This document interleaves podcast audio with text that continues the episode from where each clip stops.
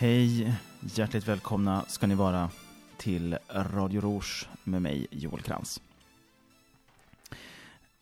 Ibland vet man inte riktigt vad man ska förbereda sig med, vad man ska säga.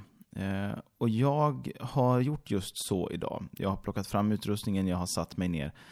Och eh, självkritisk som man kan vara angående det, så är det någon del av mig som ändå känner att jag behöver ta tillfället i akt så här en dryg vecka efter terrorattentatet i Stockholm och bara öppna mig lite och grunna lite kring det som hänt och eh, hur vi kan förhålla oss till det. Som en liten bakgrund, inte till terrorattentatet i Stockholm, för det förväntar jag mig att alla har ganska bra koll på, både antalet skadade och döda i någon mån och också givetvis eh, eh, gärningsmannens bakomliggande idéer och tankegångar och bevekelsegrunder, motiv till händelsen. Nej, men jag vill däremot ge en kort bakgrund till varför jag uttrycker mig på ett visst sätt. Eh, för det kan ibland bli så att det blir, jag ska inte säga att det är hårda ord eller att man låter eh, elak mot någon eller så vidare. Och, och, men det kan säkert tolkas på det sättet. Och det beror väl kanske framför allt på att ibland så måste man gå utanför sin bekvämlighetszon och sin, eh, vad ska vi säga, realpolitiska eh, box eh, på något vis. Och det kanske man måste göra just eftersom det man funderar på är sådana enkla grundläggande saker som eh, rätt och fel och moral och så vidare. Så låt oss börja med att säga att det här är delvis något av en filosofisk diskussion. Den drar i alla fall lite mer åt det hållet. Och då kan man också tillåta sig att fundera på om det ena eller det andra är mer eller mindre rätt. Och sen när man ska omsätta det där i realpolitik så kanske man hamnar i någon slags mittfåra ändå.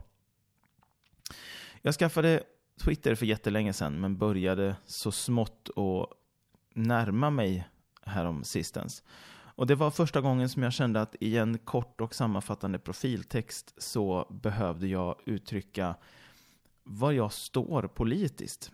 För Twitter-Sverige handlar väl i väldigt stor utsträckning, i alla fall om man är lite politisk, om att dela sina uppfattningar om omvärlden.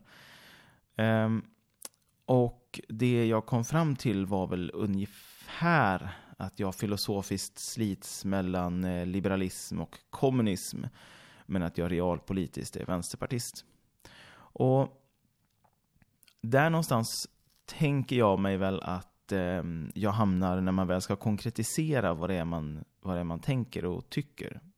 Men det som kanske blir lite, mm, som kanske sticker lite i ögonen på folk, det är att jag är ju något av en väldigt stark och ganska ettrig eh, religionskritiker av det slag och på det sätt som man kanske oftast eh, förknippar med människor som till exempel tycker att vi skulle ha mm, förbud mot heltäckande kläder och så vidare, vilket jag inte tycker. Men jag kan tycka att eh, det finns idéer här som eh, just handlar om alla människors lika värde och så vidare som gör att det finns grundtankar som är vettiga att lyssna på. Men man kanske realpolitiskt inte närmar sig dem för det. Men vi kommer säkert till det och det beror ju naturligtvis på vilken inställning har vi till eh, det här dådet som tycker vi att det är ett vansinnesdåd eller är det en ett, eh, ett tydligt terrorattentat? Vad spelar det för roll att det verkar vara en eller ett fåtal människor som, som har sympatier med IS men egentligen inte själva är eh, en del av IS och så vidare. Det kan man ju också naturligtvis fråga sig hur många kan vara en del av IS på det sättet med tanke på att IS krymper väldigt, väldigt mycket. Och det är kanske svårt då för, för IS att eh, ska vi säga, få ut sina egna eh, sabotörer och eh, terrorister eh, för att eh, göra olika former av dåd. Utan det kanske helt enkelt blir så att man, man entusiasmerar andra till den typen av tankegångar och den typen av aktioner. Men det är väl det vi kommer komma in på lite grann, tänker jag. Just frågan om eh, vad som eh, kan vara just kanske en, en, eh, en rimlig, ett rimligt sätt att förhålla sig till det här. Och om vi börjar med, som sagt, jag tycker inte att vi behöver gå in på liksom detaljerna, vad som hände. Eh, jag tror att alla är införstådda med det, annars kan ni ju för all del pausa och läsa på lite grann mer. Jag tror, är det någonting jag kommer in på som är mer specifikt så, så för all del så kommer, vi väl ge, kommer jag väl ge en kort bakgrund. Men det som eh, egentligen är min tanke då, det är den här. Om vi är av uppfattningen att det här är islamism, det här är radikaliserade personer och de människorna eh, vill vi försöka undvika att de blir radikaliserade. Då finns det i grund, i grund och botten finns det två vägar att gå, tycker jag.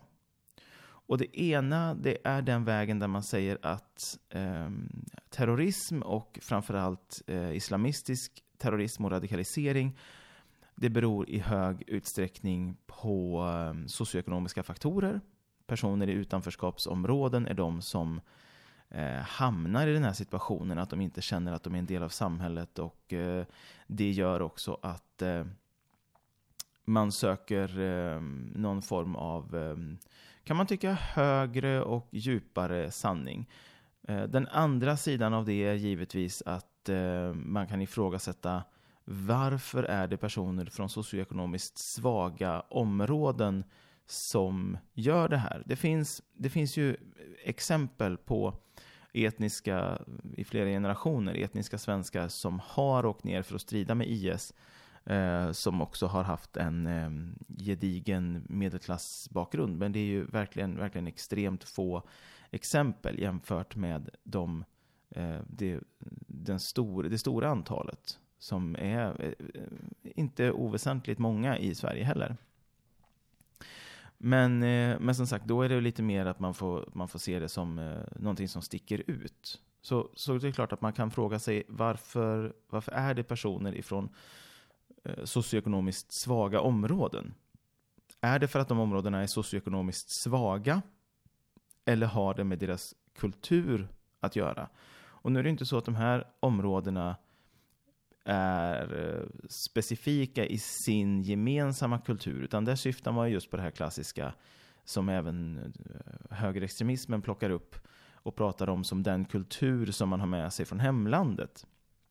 Och ja, jag måste ge dem rätt i det, i den avseendet att det här handlar om den kultur som man antingen har med sig eller som kanske nästa generation återupptäcker. För det har ju funnits just exempel där man har sett att det har funnits individer i olika religiösa samfund som har um, den här uppfattningen som drar mer åt islamism, även om de kanske inte är våldsbejakande. Men på samma sätt som man säger att det finns eh, droger som inte i sig är så väldigt skadliga, men som är en väg in i tyngre missbruk, så är väl kanske på så vis också en, en uppfattning om hur islam ska tolkas som är väldigt strikt och väldigt hård och som inte alls funkar ihop med västerländska värderingar i den mån det nu är på det sättet. Det är ju någonstans en, eh, en grund du måste ha att stå på för att du sen ska vilja ta till någon form av våld för att uppnå det. Och det är ju ett problem i sig redan det som man säger, vi vill bara få bli lämnade i fred och vara här och ha vår eh, vår eh, grupp, vår community av människor som, som vill leva på det här sättet. Därför att det tvingar man ju samtidigt på kanske framförallt barn som inte själva har, har fattat det beslutet. Eh, jag är ju av den starka uppfattningen att det finns inga kristna eller muslimska eller judiska och så vidare barn, utan det är ju någonting som man antingen hittar själv och vill vara en del av eller någonting som man egentligen blir uppfostrad till. Men barnen i sig, så, nej, jag, jag, får inte riktigt ihop det här att man skulle vara det som barn. Och då tycker jag att om man inte får möjligheten att faktiskt eh, om man inte får möjlighet, om vi säger så här, om man inte får möjligheten som barn att välja själv, därför att hela ens omgivning i form av vilken skola man går i, i form av vilken, eh, vilken eh, umgängeskretsens föräldrar har är så lik, då kan det bli ett problem. Och nu kommer naturligtvis många säga, men vi, så har vi det ju vad gäller att det bor till exempel bara svenskar i ett område och kanske inte bara bara svenskar som är etniska vita svenskar utan det kan vara bara etniska vita svenskar med ungefär samma medelinkomst med ungefär samma politiska åskådning. Och det är också ett problem. Jag säger ingenting om att det skulle vara eh, åsidosatt, utan det är, det är också ett problem. Men det är inte ett problem som vi har sett kan tendera att leda till eh, radikalisering eller att man som, eh, eh som medlem i Liberalerna vill ta upp vapen. Alltså, vi har inte riktigt den, den grejen. Det kan naturligtvis bero på att det är en, en slags grundläggande liberal demokrati som, som eh, är rådande i samhället givetvis. Men eh, men jag känner väl fortfarande någonstans att här, den biten måste vi vara, vara öppna med och säga att det finns, det finns ett problem även att segregationen är så tydlig hos oss som är etniska svenskar, vita etniska svenskar med ungefär samma inkomstnivå, ungefär samma eh, politiska ställningstagande. Därför att de barnen kommer också att ledas in i en viss uppfattning om världen och kommer inte ha möjlighet att helt och hållet välja själva. Och det här gäller ju mig också, som är uppväxt i ett eh, ur ekonomiska perspektiv absolut ett arbetarklasshem, men kanske lite mer eh, intresserad av både kultur och samhällsfrågor med föräldrar som har jobbat politiskt och så vidare. Um, och jag hade ju säkert kunnat ha en helt annan politisk åskådning om jag hade vuxit upp på ett annat sätt. Men jag jobbar ju också aktivt med att utsätta mig själv för andra uppfattningar. Ni vet att jag brukar eh, framhäva eh, Sam Harris podcast. Jag ska ta ett steg tillbaka och inte göra det idag. Men för er som är nyfikna och som kanske, som jag, vilket jag tror majoriteten av eh, ni som lyssnar på den här podden är, med tanke på dess namn dessutom, Radio Rouge, eh, står mer till vänster om mittlinjen än till höger om mittlinjen. Jag vill absolut rekommendera er att lyssna på eh, Aron Flams utmärkta podcast Dekonstruktiv kritik som jag tycker är eh, många gånger rätt galen och märklig och har en, eh, en oerhört annorlunda syn på saker och ting än vad jag har. Eh, och han återkommer många gånger i sina enormt långa intron till till exempel frågan om hur eh, olika former av feministiska inställningar i hans mening Eh, Eh, blir eh, ytterst problematiska och förstör samhället. Och han pratar om hur socialismen är liksom eh, världens mesta ondska och så vidare. Så vi, vi, kan väl nöja oss med att konstatera att jag håller inte i alla avseenden med Aron Flam om det här. Men återigen att eh, lyssna på saker och ting som människor med andra uppfattningar har är givande alla gånger. Och det tror jag att eh, om, om din uppfattning som förälder är inte bara att du av politiska skäl tycker att det här är rätt och rimligt och du har ganska svårt att ta till dig andra uppfattningar. Men att du faktiskt har din uppfattning baserad på din religion. Om din religion ju då dessutom naturligtvis är stark, om du har en stark religiös övertygelse, då är ju det den absoluta um, auktoriteten, då kan ju inte den vara fel. Då måste ju någonstans din religion per definition säga att så här är det, så här ligger det till och det här är rätt. Och det kan jag verkligen känna, då blir det problematiskt. För att om man inte kan ut, liksom utmana den bilden, då har, vi, då har vi ett problem. Så jag tror att man måste blanda framförallt barn från eh, olika socioekonomiska grupper, man måste blanda dem utifrån olika eh, religiösa eller icke-religiösa eh, grupper. Man måste eh, se till att människor från Även där handlar det ganska mycket om socioekonomiska faktorer, men områden där en majoritet har en uppfattning och en minoritet har en annan uppfattning politiskt. Helt enkelt försöka att dra linjer till till exempel skolindelning så att man får en någorlunda bra blandning av barn så att de får uppleva varandras uppfattningar och idéer och tankegångar. Det är liksom basalt. Där har vi någonstans redan kommit in på frågan om vad som är liksom någon slags lösning på det här. Men vi, vi, vi kanske kommer tillbaks till den lite, lite längre fram. För det som är eh, min, eh, min tankegång här är någonstans ändå att och jag eh, ska inte säga att jag har en bra källa på det här, men jag är nyfiken på det. Jag hörde påstås, utan källa, även där i en därför onämnd podd, eh, att eh, till skillnad från kriminalitet, som ju är en strävan efter att självförverkliga sig själv ekonomiskt, Eh, och det kan jag nog ställa upp på, att har du inte möjligheterna att slå dig fram på ett lagligt sätt i samhället och alla möjligheter är uttömda och det, känns, det finns en absolut en hopplöshet, då kan definitivt möjligheten att eh, eh, börja med någon form av, kanske framförallt gängkriminalitet redan i, i unga år, om man känner att det finns inget hopp i övrigt, då kan det bli väldigt, väldigt lockande. Men frågan är, om samma form av utsatthet egentligen hänger ihop med en eh, religiös fanatism och radikalisering. Det tror jag är den springande punkten. Det tror jag är det vi måste fokusera och lägga mest energi på. Att ta reda på vad är orsaken? Och det här är jag säkert inte alls först med. Det finns säkert både akademiker och samhällsdebattörer som har tagit upp exakt just det här. Men jag ska vara helt ärlig och säga att jag har fortfarande inte hört den springande punkten i samhällsdebatten.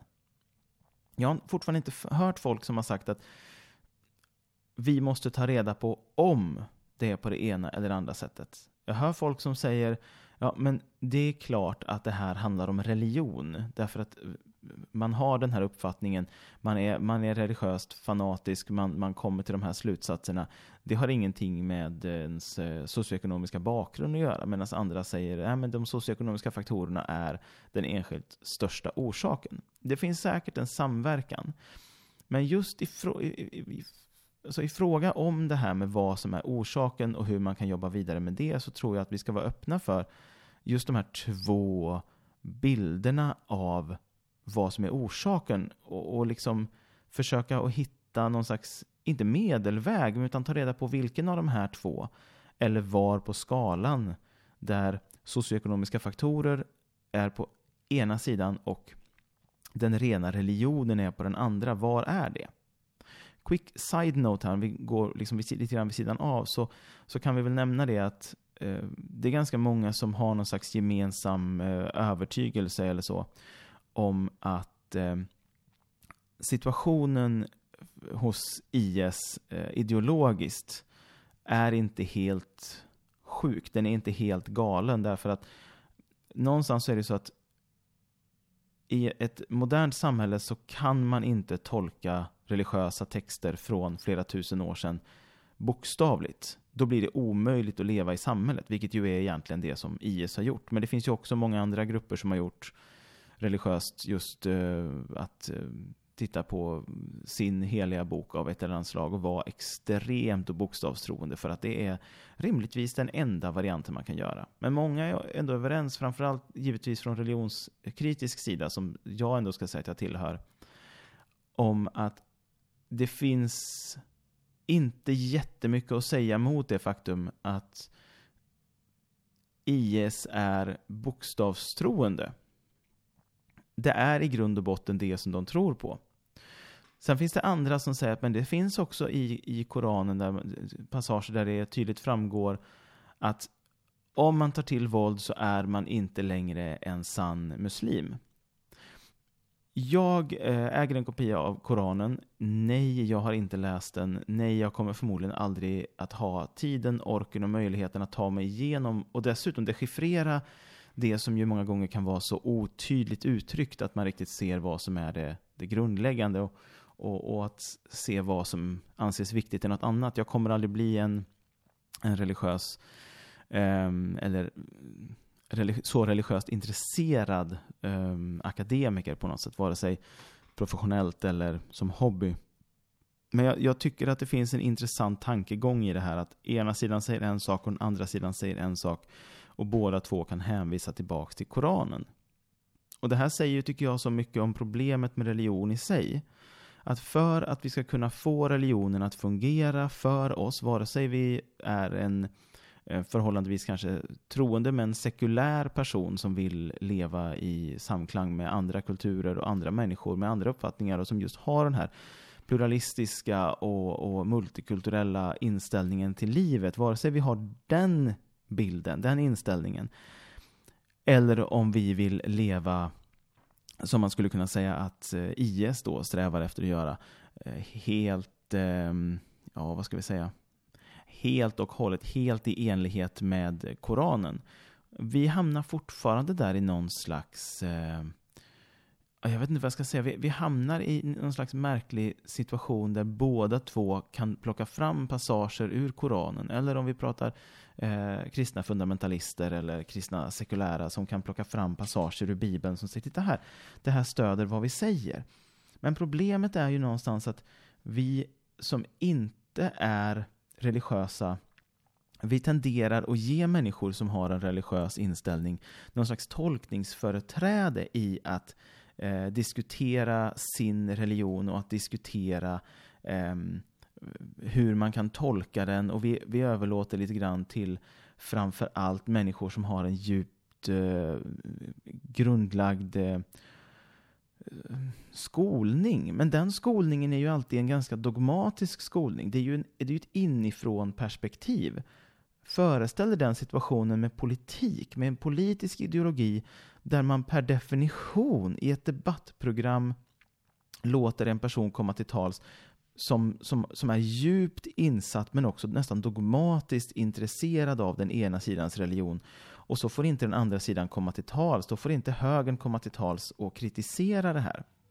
Jag säger inte att vi inte är där att man får kritisera religion. Det skulle vara jättemärkligt av mig att sitta här och säga att man får inte kritisera religion, för det, det menar jag definitivt att vi, vi är öppna för. Det finns ju däremot eh, människor som tycker att vi borde vara mer försiktiga med vår religionskritik.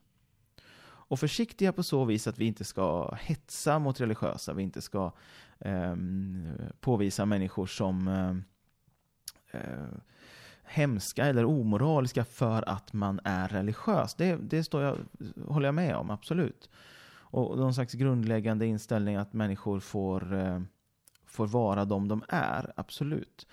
Men vi kommer inte ifrån att för att du ska ha din religion, men att den samtidigt ska göra att du fungerar i samhället, då är det väldigt, väldigt svårt att hänvisa till din religion, hänvisa till skrifter som skrevs för ett antal tusen år sedan. Alltså av människor som levde i en bronsålderscivilisation som inte hade någon som helst tanke på 95% av allt det som sen eh, har skett, den utveckling som har skett och hur vi lever idag. Grundläggande tankegångar om vad som är rätt och fel och gott och ont kan vi tycka att det är i alla fall rimligt för att vi ju tycker att man inte ska döda, man inte ska stjäla och så vidare. Men även det är ju i grund och botten väldigt, väldigt skevt. Därför att här har vi ju faktiskt böcker som säger att slavhandel det, det, är ingenting man skriver in och poängterar hur hemskt och fel det är, utan man, man skriver in och reglerar hur det ska skötas. Så det jag menar med det här är inte att man inte får ha sina religiösa texter och böcker. Det får man absolut ha. Och det kan vara jätteviktigt att man känner att man har en ehm, eh, att man är respekterad i, i att ha det. Men man kan inte använda dem och peka på dem som ett rättesnöre i en modern tid. Jag tycker att det blir oerhört märkligt.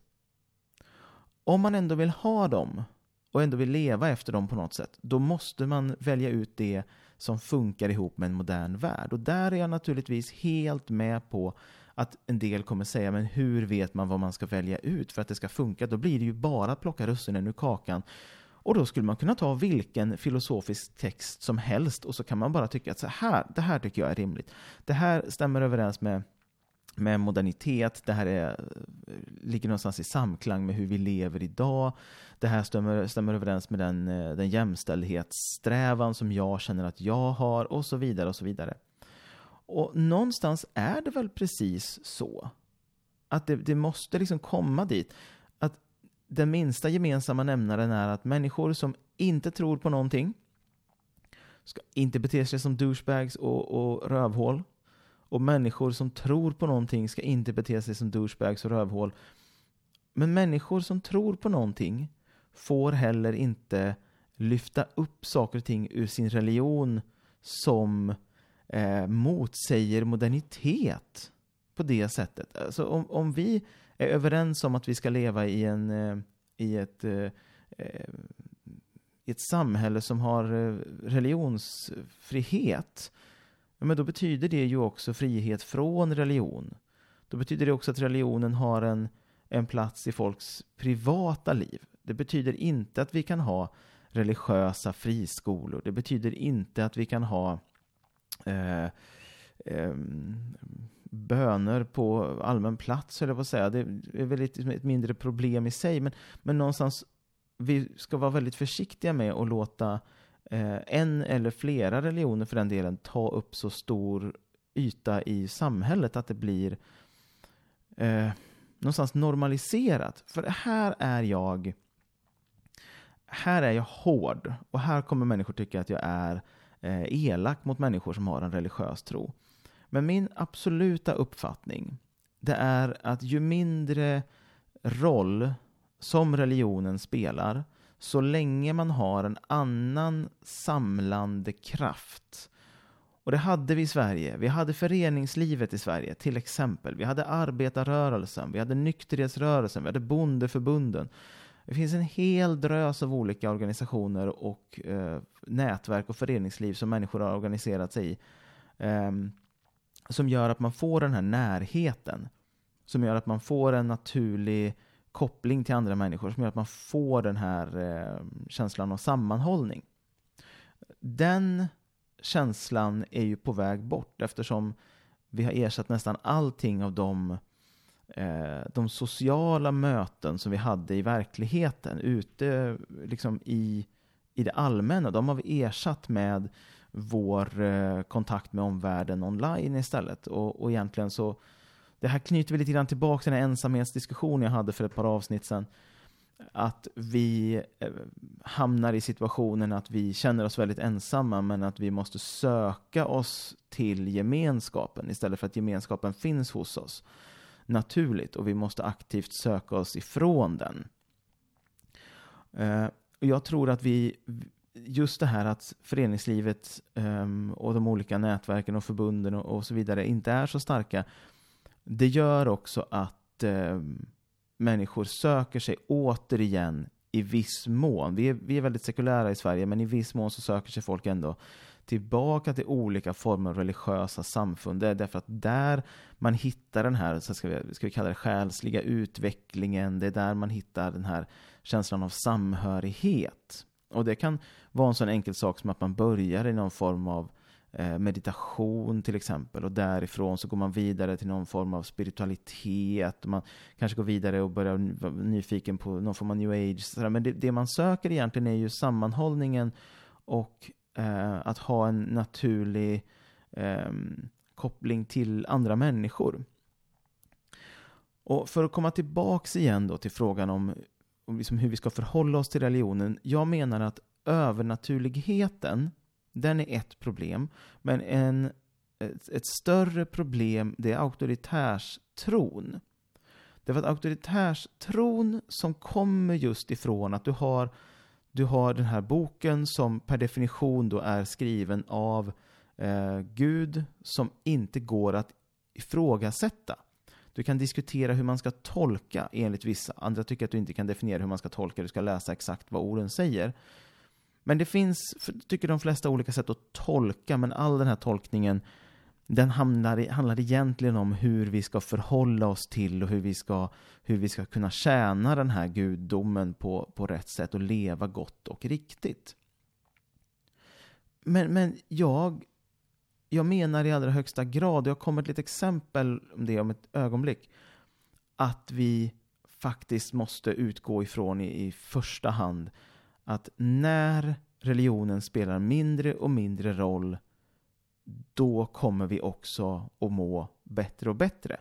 Så länge vi har en naturlig samlingspunkt och vi har våra mellanmänskliga relationer intakta.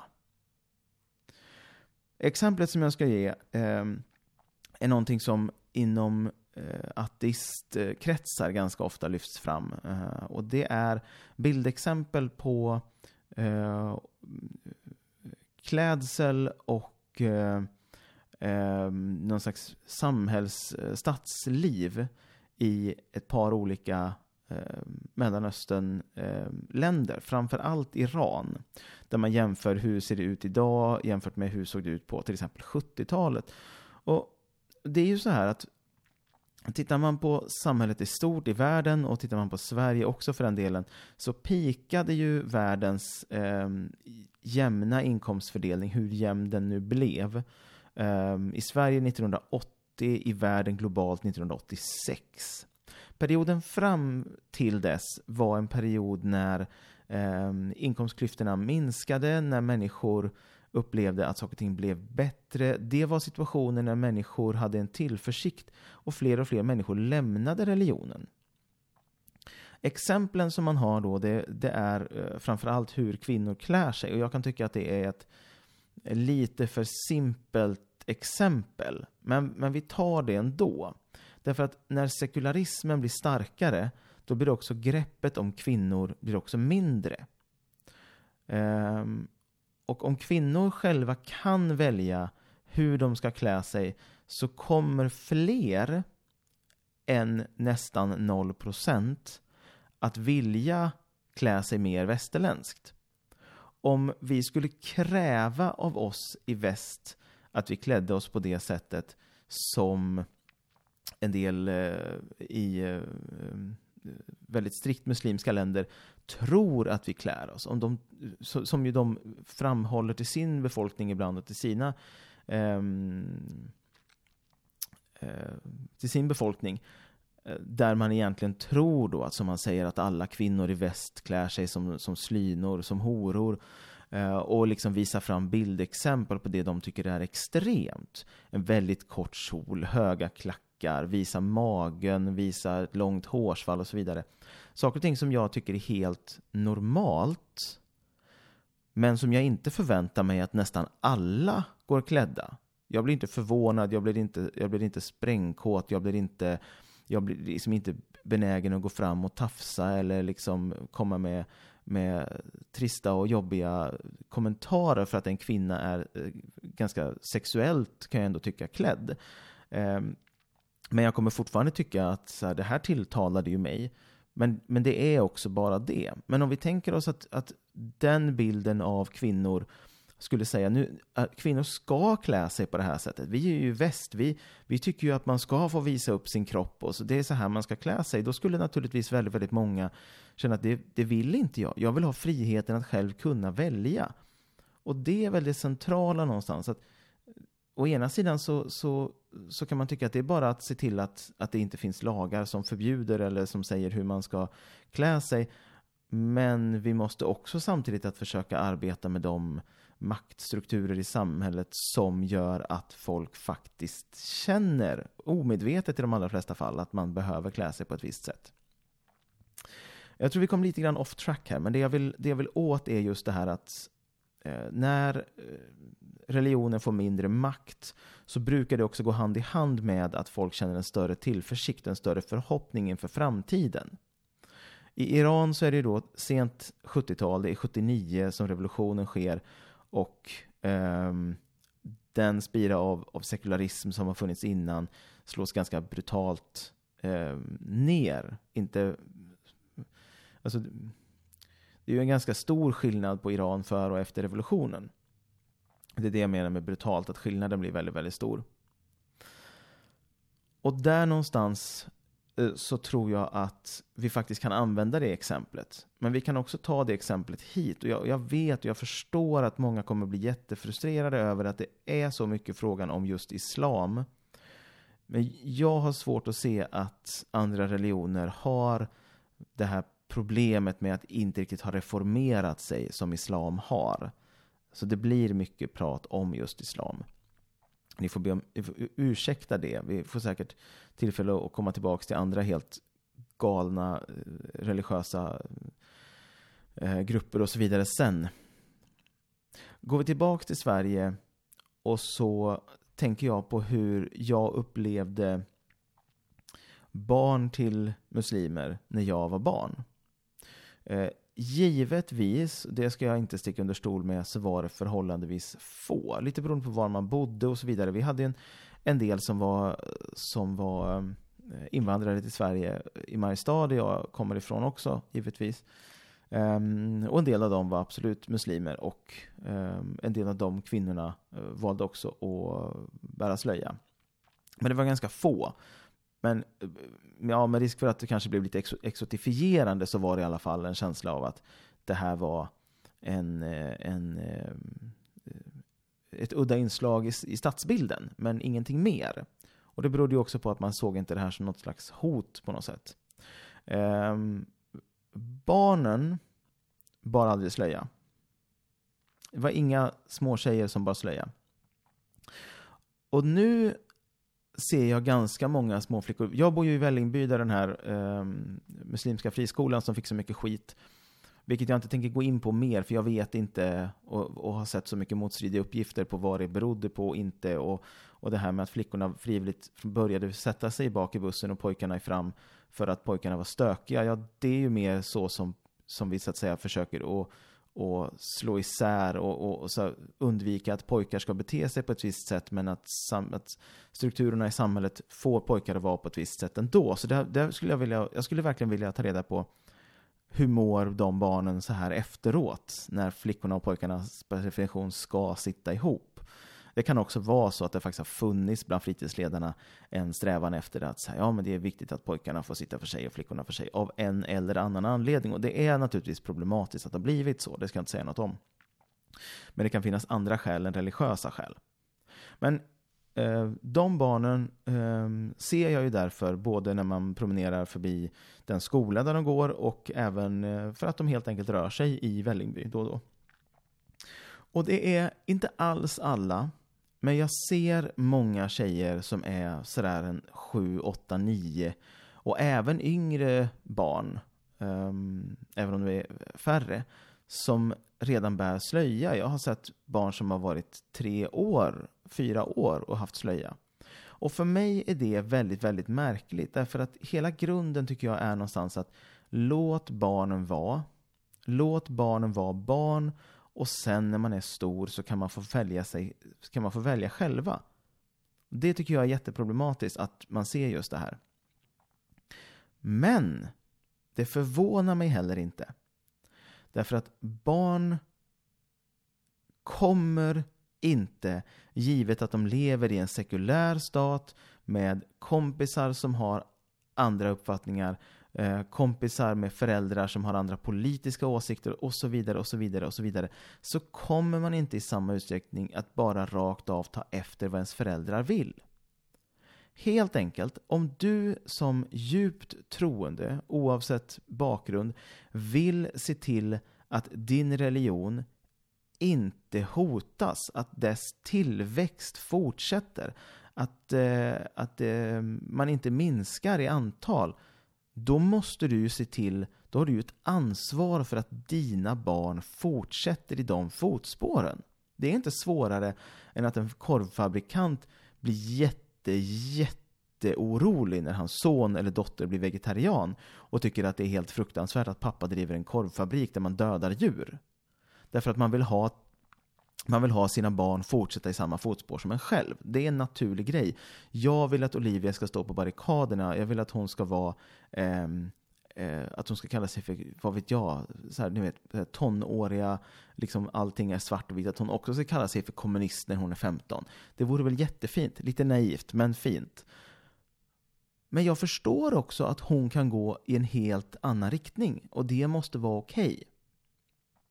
Och på samma sätt så får man inte, tycker jag, förvänta sig och därefter sträva efter, så till den milda grad att man undanhåller sina barn andra saker genom att man sätter dem i en skola som säger ja men alla här får ju samma utbildning som alla andra och alla barn här har möjlighet att ta, ta del av alla olika religioner på vår religionsundervisning så har vi precis som alla andra skolor alla olika religiösa inslag. Det är det här att vi har morgonbön för de som vill, det är frivilligt och sen så, sen så, ja, inget konstigt med det. Nej men det konstiga med det är ju att det är en skola där så vitt jag har kunnat se alla flickor bär slöja. Alla pojkar eh, är, liksom ser ut att ha syskon som också bär slöja eller andra småkillar. Alltså det, hela den här grejen visar så tydligt att det eh, är inte, det är inte liksom 30 procent, 30 procent eh, liksom etniskt svenska barn som går den här skolan och som gör att den blandas upp och att de får pröva varandras uppfattningar och idéer och åsikter. Det här är en likriktad skola. Gud, nu kommer jag in på att prata jättemycket om den här skolan i alla fall. Den var väl ett bra exempel antar jag. Det är liksom problemet. Om du inte får uppleva och utsättas för andra människors åsikter, då kommer ju hela din värld att vara bestående av den uppfattning som dina föräldrar har och som du därför genom att dina föräldrar sätter dig i en skola där andra barn har föräldrar med ungefär samma uppfattning, då kommer ju det som du upplever är de stora skiljelinjerna, de kommer ju vara pyttesmå detaljer i andras ögon. Det kommer ju vara små detaljer om, om eh, liksom, Eh, på vilket sätt ens föräldrar ska uppfostra sina barn eller hur, hur hårda är vi på det här om det, om det visar sig att barnet råkade äta en korv som innehåller fläskkött eller eh, hur ska vi förhålla oss till, eh, till liksom den här eh, teologiska diskussionen men alla har samma uppfattning i de stora frågorna därför att de stora frågorna där, där är man eh, muslim. Och, och, i det här så tycker jag att vi, vi, får liksom, vi får liksom inte hamna i det. Ska vi fråga oss kanske om det är eh, friskolereformens fel? Det, det har ganska mycket saker som har varit friskolereformens fel och kommunaliseringen av skolan. Och jag som ska bli lärare tycker att det är ett jätteproblem. Eh, Ska vi gå tillbaks igen innan jag avslutar för idag eh, så tror jag att jag vill trycka lite mer på en sak som jag har sagt innan och pratat en del om. Eh, och det handlar just återigen om den här frågan om hur eh, hur vi ska så att säga, tackla det här. Därför att vi pratar vi först om frågan om socioekonomiska faktorer och sen pratar vi om frågan om den rena religiösa påverkan. De socioekonomiska faktorerna, där, där handlar det om eh, en större inkludering, det handlar om att fler människor måste kunna få jobb, vi har en arbetslöshet idag som är problematisk. Ehm, det finns, ehm, det finns ganska, tycker jag, enkla tydliga medel. De är givetvis drar åt eh, i en socialistisk riktning eh, och därför så kommer många människor att avfärda dem fullständigt. Men jag är övertygad om att det finns vissa vissa så att säga, åtgärder, vissa reformer som man skulle kunna göra som skulle kunna underlätta väldigt mycket. Eh, en av dem, eh, det är eh, arbetstidsförkortning. Då kommer vi få behov av eh, fler heltidsanställningar. Och då pratar vi givetvis om arbetstidsförkortning med bibehållen lön, men det betyder att man kommer att behöva anställa eh, ett visst antal procent till, vilket innebär att vi kommer få en lägre arbetslöshet.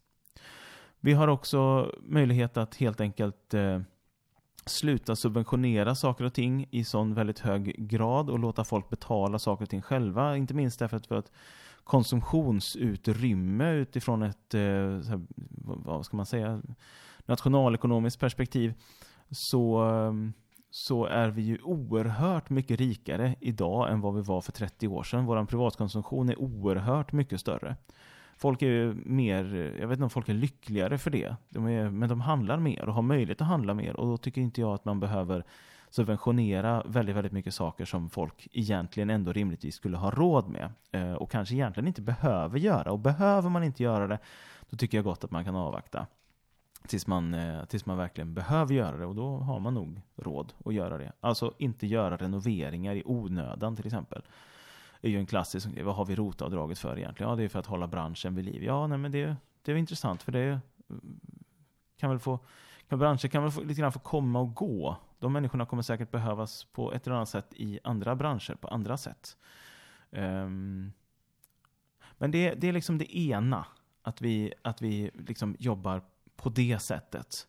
Eh, där vi måste se till att vi får, eh, får in mer pengar till välfärden och vi, och vi stoppar undan och ger skattelättnader i mindre omfattning. Det gör att vi har mer pengar, vi, vi går på företag och ser till att de inte skatteflyktspysslar utan vi får in de pengarna som vi ska ha.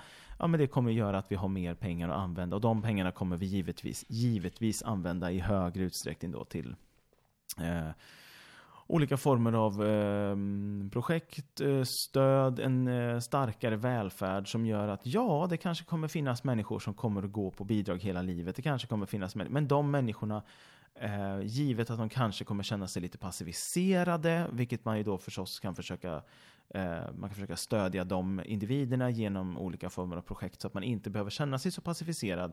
Eller så kommer de få jobb genom att man har den här eh, sex timmars arbetsdagen istället. Men i vilket fall som helst, människor som har en socioekonomisk bra grund att stå på blir till exempel inte alls kriminella i samma utsträckning. Ehm, gör inte alls samma mängder våldsbrott och så vidare eh, givetvis misshandelsbrott och sådana såna typer av, av våldsbrott undantagna, för de är ju inte baserade på en, eh, en strävan efter att eh, eh, skaffa mer eller komma upp sig i samhället.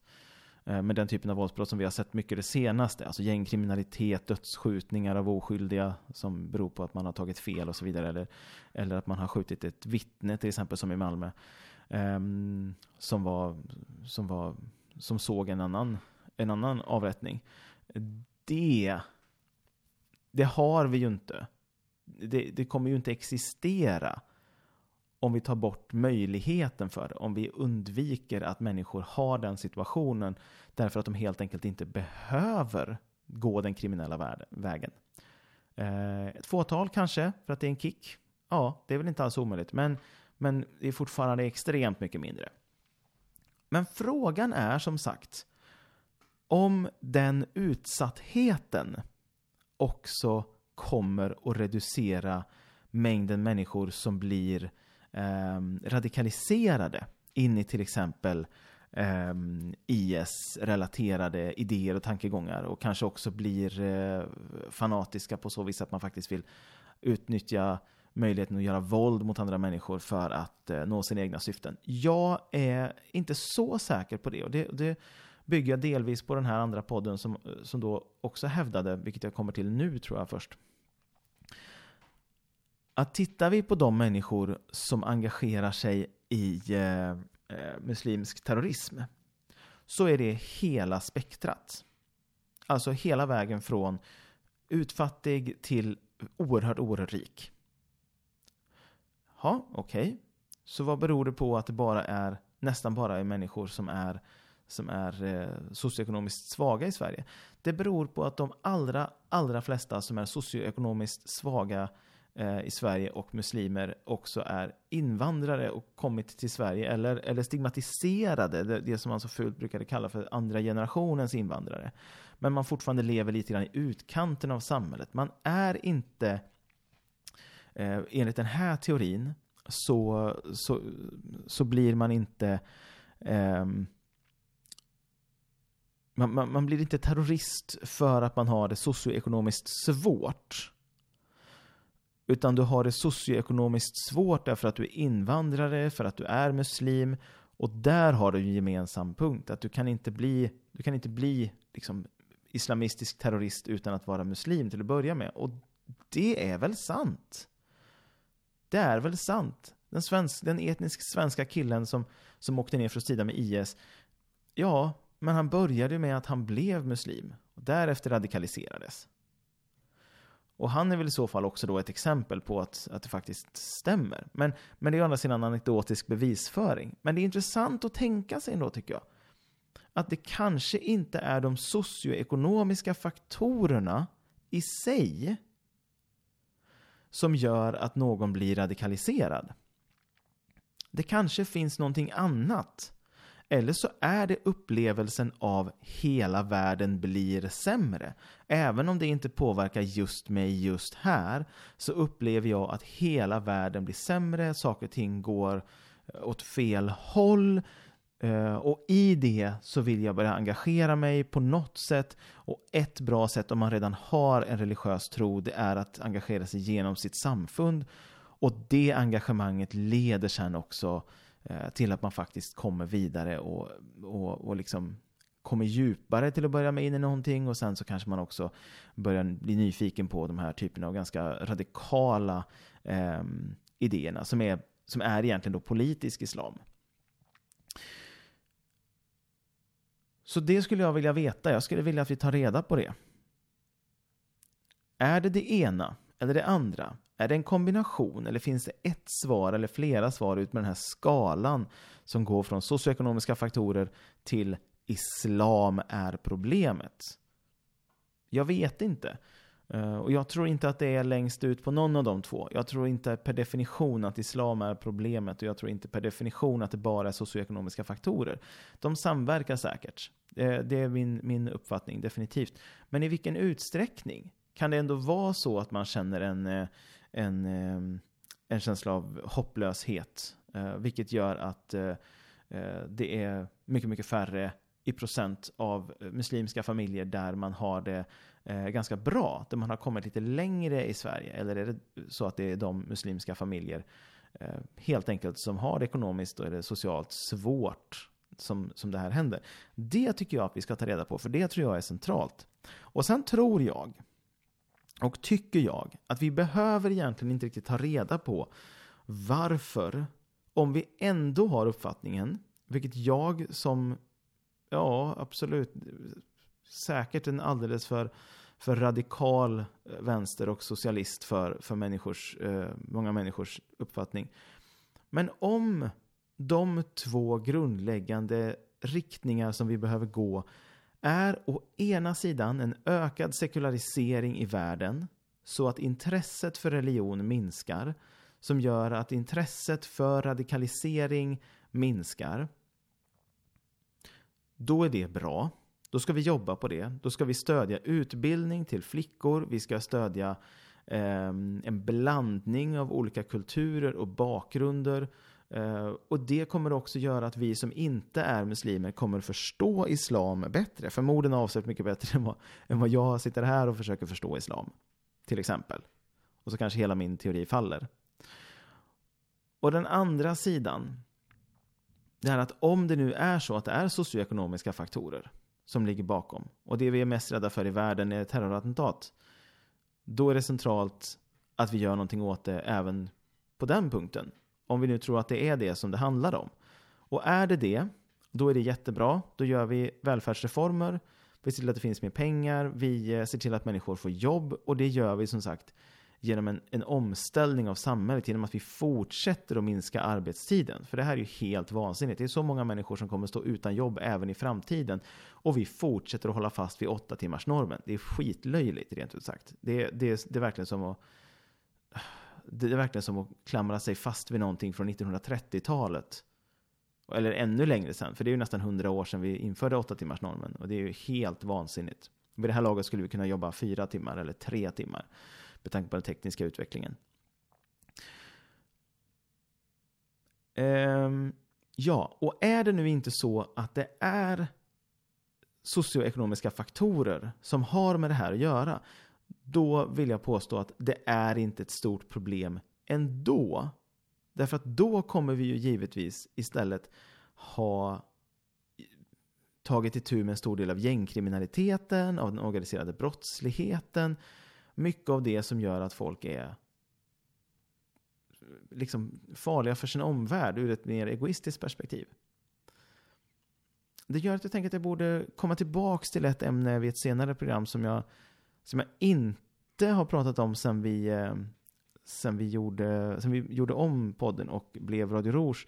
Nämligen ett program som handlar om hur ungdomar alltid har velat utmana samhället. Att vi måste vara beredda på att ungdomar kommer att utmana, ungdomar kommer att försöka slå sönder saker.